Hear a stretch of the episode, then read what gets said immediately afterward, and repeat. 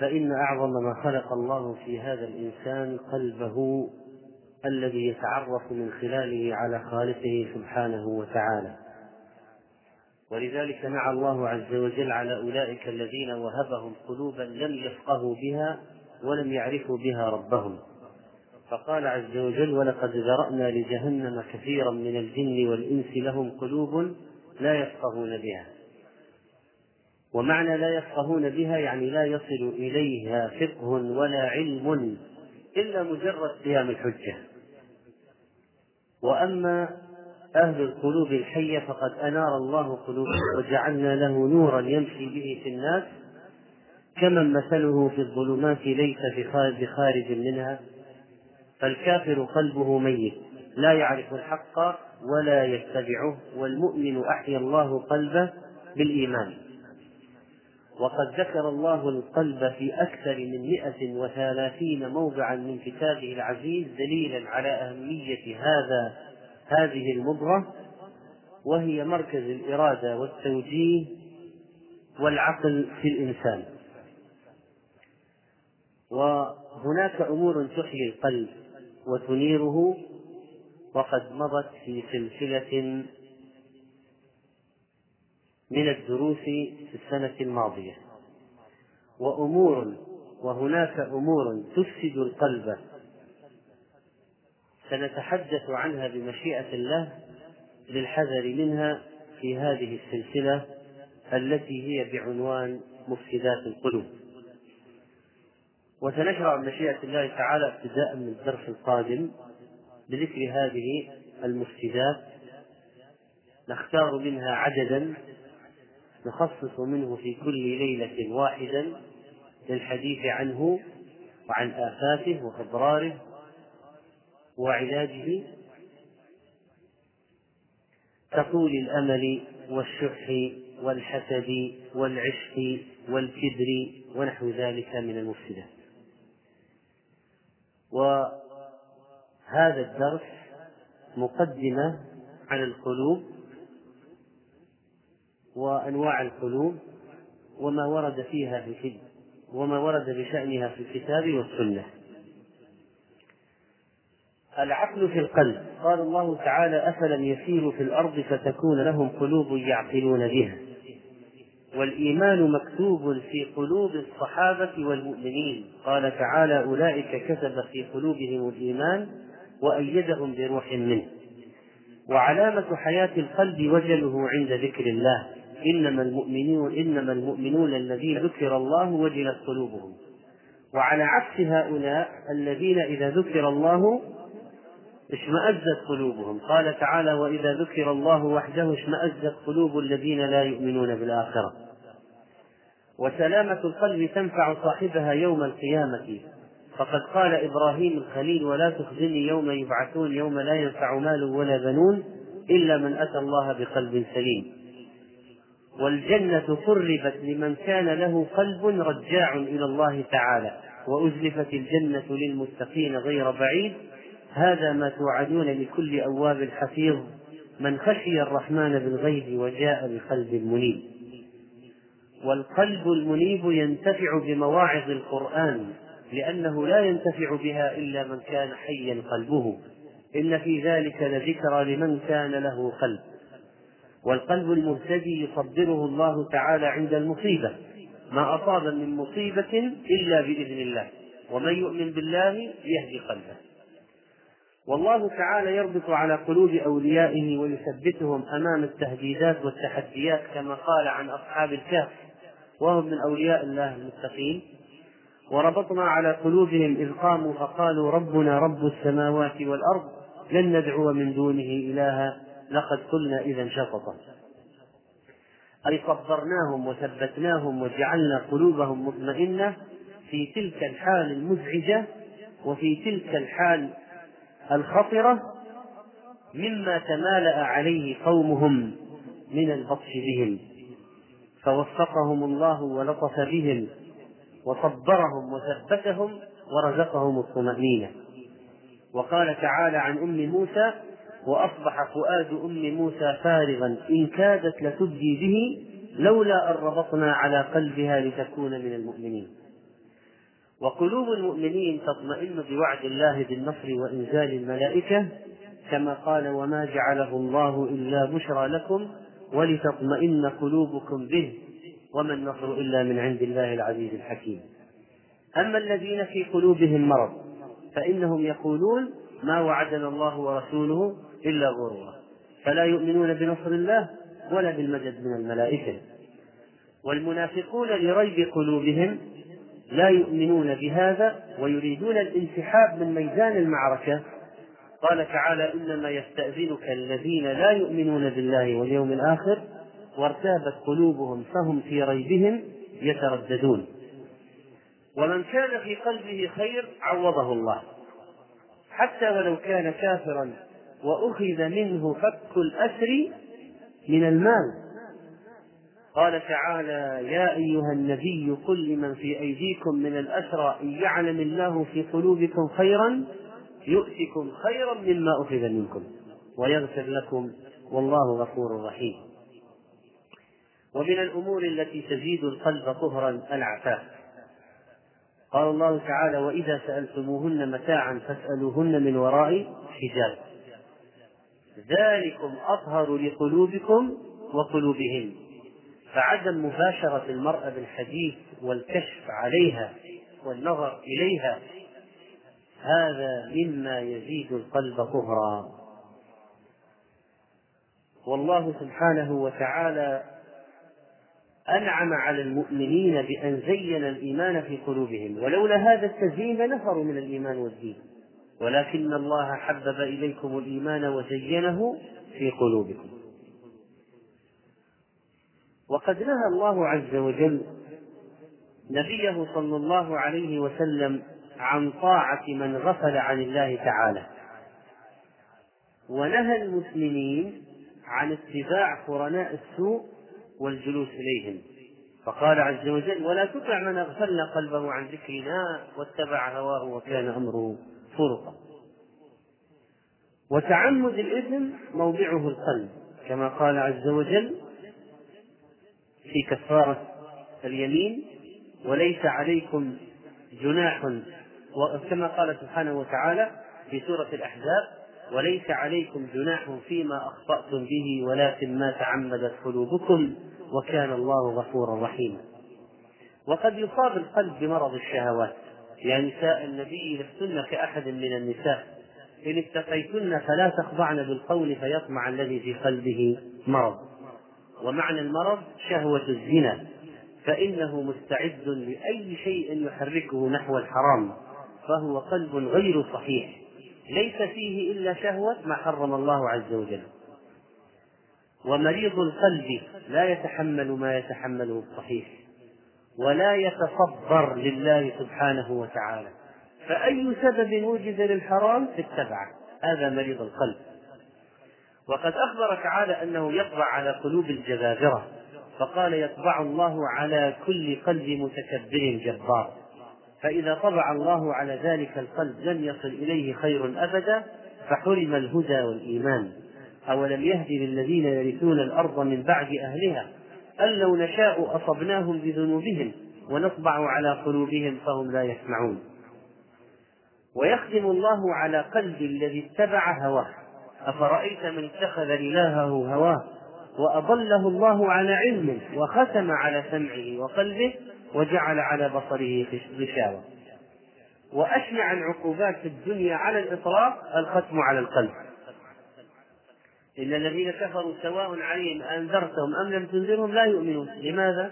ختم الله على قلوبهم وعلى سمعهم وعلى أبصارهم غشاوة ولهم عذاب عظيم. فطبع الله على قلوبهم بطابع لا يدخلها الإيمان ولا ينفذ فيها. والله تعالى لا يظلم العباد مثقال ذرة فلا يضل إلا من أراد الضلالة. فلما أزاغوا أزاغ الله قلوبهم. ومن أسباب الطبع على القلب ترك صلاة الجمعة ثلاث مرات متوالية بغير عذر. قال النبي صلى الله عليه وسلم من ترك الجمعة ثلاث مرات تهاونا بها طبع الله على قلبه. رواه ابن ماجه وهو حديث حسن صحيح. والله عز وجل يؤلف بين قلوب المؤمنين ولولا هو لتنافرت القلوب. اعتصموا فهؤلاء الذين اعتصموا بحبل الله جميعا ألف الله بين قلوبهم. ومن عليهم فقال إذ كنتم أعداء فألف بين قلوبكم. لو أنفقت ما في الأرض جميعا ما ألفت بينهم. ما ألفت بينهم. ومن سنن الله عز وجل التنفيس واستخراج ما في القلوب بتقدير الشدائد. لأن المنافقين لما قتل من قتل في أحد ماذا قالوا؟ لو كان لنا من الأمر شيء ما قتلنا هنا. قل لو كنتم في بيوتكم لبرز الذين كتب عليهم القتل إلى مضاجعهم. المكان المقدر عليه فيه الموت سيقتل فيه ولو كان في بيته. سيخرجه الله بسبب أو بآخر إلى مكان حبسه ليموت. هؤلاء المنافقين قالوا لو كان لو لم نخرج من المدينة ما قتلنا. فالله عز وجل استخرج ما في قلوبهم من النفاق بهذه الأحداث التي حدثت في غزوة أحد ولذلك قال عز وجل وليبتلي الله ما في صدوركم وليمحص ما في قلوبكم. وأشد القلوب مرضا المنافقون. قلوب المنافقين في قلوبهم مرض فزادهم الله مرضا. وأهل البدعة في قلوبهم مرض لأنهم يتبعون المتشابه من النصوص ويتركون النصوص المحكمة التي لها المعنى المحكم الواضح البين ليس لها إلا معنى واحد فيتركونها لما يتوهم منه أمور. ولذلك قال تعالى فأما الذين في قلوبهم زيغ فيتبعون ما تشابه منه. لماذا؟ ابتغاء الفتنة وابتغاء تأويله أي تفسيرا فاسدا على غير مراد الله. وعلى على المسلم أن يحذر على المسلم أن يحذر الانحراف والزيغ وتعمد الإثم. لا يؤاخذكم الله باللغو في أيمانكم ولكن يؤاخذكم بما كسبت قلوبكم. وهناك أناس يسارعون في إرضاء الكفار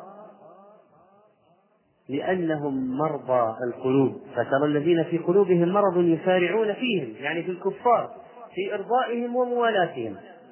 يقولون نخشى أن تصيبنا دائرة.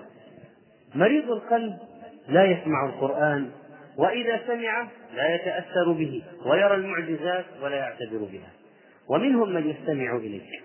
وجعلنا على قلوبهم أكنة أن يفقهوه وفي آذانهم وقرا وإن يروا كل آية لا يؤمنوا بها. ويرون عذاب الله ولا يبتلين قلوبهم.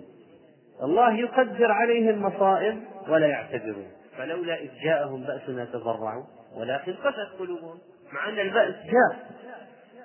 والآيات الجديدة النازلة كانت تزيد المؤمنين إيمانا لكن المنافقين كانوا يزدادون بها شكا وريبة. وإذا ما أنزلت سورة فمنهم من يقول أيكم زادته هذه إيمانا؟ فأما الذين آمنوا فزادتهم إيمانا وهم يستبشرون وأما الذين في قلوبهم مرض فزادتهم رجسا إلى رجسهم وماتوا وهم كافرون. فصرف صرف الله قلوبهم عن التأثر بالقرآن. وإذا ما أنزلت سورة نظر بعضهم إلى بعض هل يراكم من أحد؟ ثم انصرف. صرف الله قلوبهم لأنهم قوم لا يفقهون.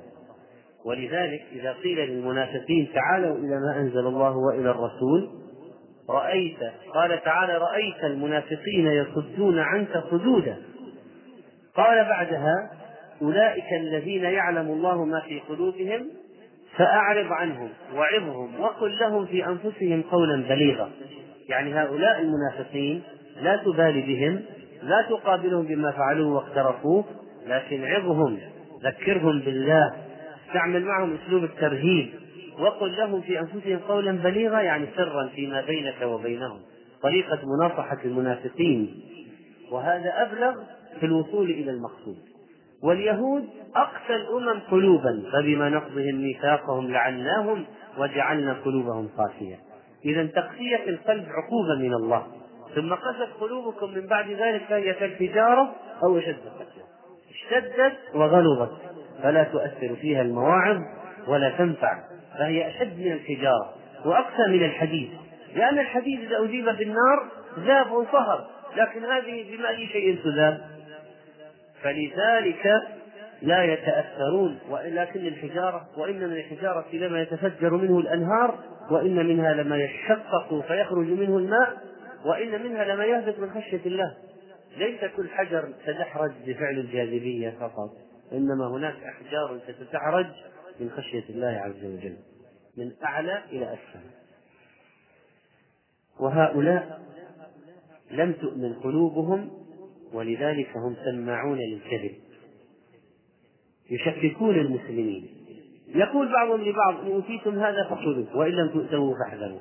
ومن يريد الله فتنته فلن تملك له من الله شيئا. والكفار لشدة تغليف قلوبهم لا يتأثرون حتى لو نزل العذاب كما تقدم. ولذلك كان موسى عليه السلام دعا ربه أن يبطش بفرعون ومن معه وقال موسى ربنا إنك آتيت فرعون وقومه إنك آتيت فرعون وملأه زينة. وأموالا في الحياة الدنيا ربنا ليضلوا عن سبيلك ربنا اطمس على أموالهم واشدد على قلوبهم. فلا يؤمنوا حتى يروا العذاب الأليم. وامتلاء الصدور بالكفر وتقديم الدنيا على الآخرة من أسباب الطبع على القلب. من كفر بالله من بعد إيمانه إلا من أكره وقلبه مطمئن بالإيمان. ولكن من شرح بالكفر صدرا فعليهم غضب من الله ولهم عذاب عظيم ذلك بأنهم استحبوا الحياة الدنيا على الآخرة. قال عنهم أولئك الذين طبع الله على قلوبهم. ويعاقب الله من أعرض عن الإيمان به بأن يمنعه فهم القرآن إذا تلي عليه. وإذا قرأت القرآن جعلنا بينك وبين الذين لا يؤمنون بالآخرة حجابا مستورا وجعلنا على قلوبهم أكنة. أكنة أغطية تغلف هذه القلوب. أن يفقهوه يعني حتى لا يفقهوه. والشيطان يسهل الفتنة على أصحاب القلوب المريضة ليجعل ما يلقي الشيطان فتنة للذين في قلوبهم مرض. فيسهل عليه أن يشككهم وأن يلقي في قلوبهم بذور الفتنة والنفاق. وطول البعد عن النبوة والابتعاد عن أهل الخير وعن مجالس الصالحين وعن مصدر التذكرة والموعظة من أسباب قسوة القلب. ألم يعني للذين آمنوا أن تخشع قلوبهم من ذكر لذكر الله وما نزل من الحق ولا يكونوا كالذين أوتوا الكتاب من قبل فطال عليهم الأمد فقست قلوبهم. لاحظ. طال عليهم الأمد فقست قلوبهم. بعد العهد عن النبوة بعد العهد من الكتاب بعد العهد من الصالحين بعد العهد من الدعاة والمصلحين بعد العهد عن أي شيء يذكر بالله واليوم الآخر يقسم القلب ولذلك ترى بعض الناس إذا تركوا مجالس الذكر تركوا الصالحين ابتعدوا سافر انشغل بتجارة دخل مع ناس من أهل الدنيا انقطع عن الصالحين فترة قسى قلبه. لا شك. قد يرسل في دورة فيذهب ثورة من الزورة إلى الفندق من الزورة إلى قد يذهب إلى أماكن من الأسواق ونحوها. انقطع عما كان يعتاده من حلق الذكر لقاء لقاء أسبوعي مع أصحابه الصالحين. ذهاب إلى أماكن الخير مقابر إلى زيارة مرضى إلى أي شيء يرقق القلب محاضرات دروس. فقد الاستماع. كان عنده درس قرآن كان مشترك في حلقة تحفيظ كلما ابتعد قسى قلبه. طال عليهم الأمد فقست قلوبهم وكثير منهم فاسقون. والمعاصي لا تزال تلقي بظلالها على القلوب وتراكم عليه القاذورات والظلمة. كلا بل ران على قلوبهم ما كانوا يكذبون. والنبي صلى الله عليه وسلم كان لأجل هذا كله يسأل الله أدعية بأدعية خاصة أشياء لقلبه. فماذا كان يستعيذ؟ من أي شيء كان يستعيذ؟ وماذا كان يسأل في موضوع القلوب أولا كان يسأل الله تثبيت قلبه. فقال النبي صلى الله عليه وسلم ما من قلب إلا بين أصبعين من أصابع الرحمن إن شاء أقامه وإن شاء أزاغه. وكان عليه الصلاة والسلام يقول يا مثبت القلوب ثبت قلوبنا على دينك. يا مقلب القلوب ثبت قلوبنا على دينك. فهكذا كان فهكذا كان النبي صلى الله عليه وسلم يسأل وماذا كان يسأل أيضا؟ كان عليه الصلاة والسلام يسأل تثبيت القلب على الدين؟ يقول ثبت قلبي على دينك؟ وكان يسأل أن يصرف الله قلبه على الطاعة. فيقول اللهم مصرف القلوب صرف قلوبنا على طاعتك. إذا كان يسأل الله الثبات على الدين تثبيت القلب على الدين. وتصريف القلب على الطاعة ثالثا. هداية القلب. فكان عليه الصلاة والسلام يقول في دعائه اللهم اهدي قلبي. في دعاء رواه ابن عباس عن النبي صلى الله عليه وسلم وهو رب أعني ولا تعن علي وانصرني ولا تنصر علي وامكر لي ولا تمكر علي. واهدني ويسر هداي إلي وانصرني على من بغى علي. اللهم اجعلني لك شاكرا لك ذاكرا لك راهبا لك مطواعا إليك مخبتا أو منيبا. ربي تقبل توبتي واغسل حوبتي وأجب دعوتي وثبت حجتي واهد قلبي وسدد لساني. واهد قلبي. إذا كان يسأل هداية القلب. رابعا. كان يسأل تنوير القلب فيقول في دعائه رواه مسلم اللهم اجعل في قلبي نورا. اللهم اجعل في قلبي نورا. من أي شيء كان يستعيذ؟ وما هي الأدعية التي فيها استعاذة وإبعاد أشياء عن القلب؟ أولا من القرآن العزيز ربنا لا تزغ قلوبنا بعد إذ هديتنا. ربنا لا تزغ قلوبنا بعد إذ هديتنا. فهذا طلب من الله. سؤال عدم إزاغة القلب. والتثبيت حول هذا المعنى. ثبت ولا تزغ. هذا يكمل هذا. كذلك. كان يستعيذ بالله من قلب لا يخشع. فيقول اللهم إني أعوذ بك من علم لا ينفع ومن قلب لا يخشع. ومن نفس لا تشبع. ومن دعوة لا يستجاب لها. كذلك كان النبي صلى الله عليه وسلم يستعيذ من شر القلب.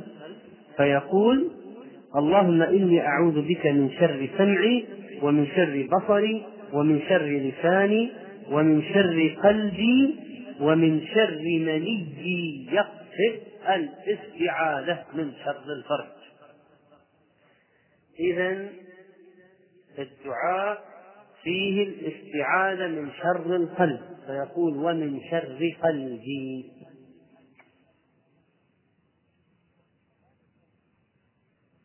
وهذا الحديث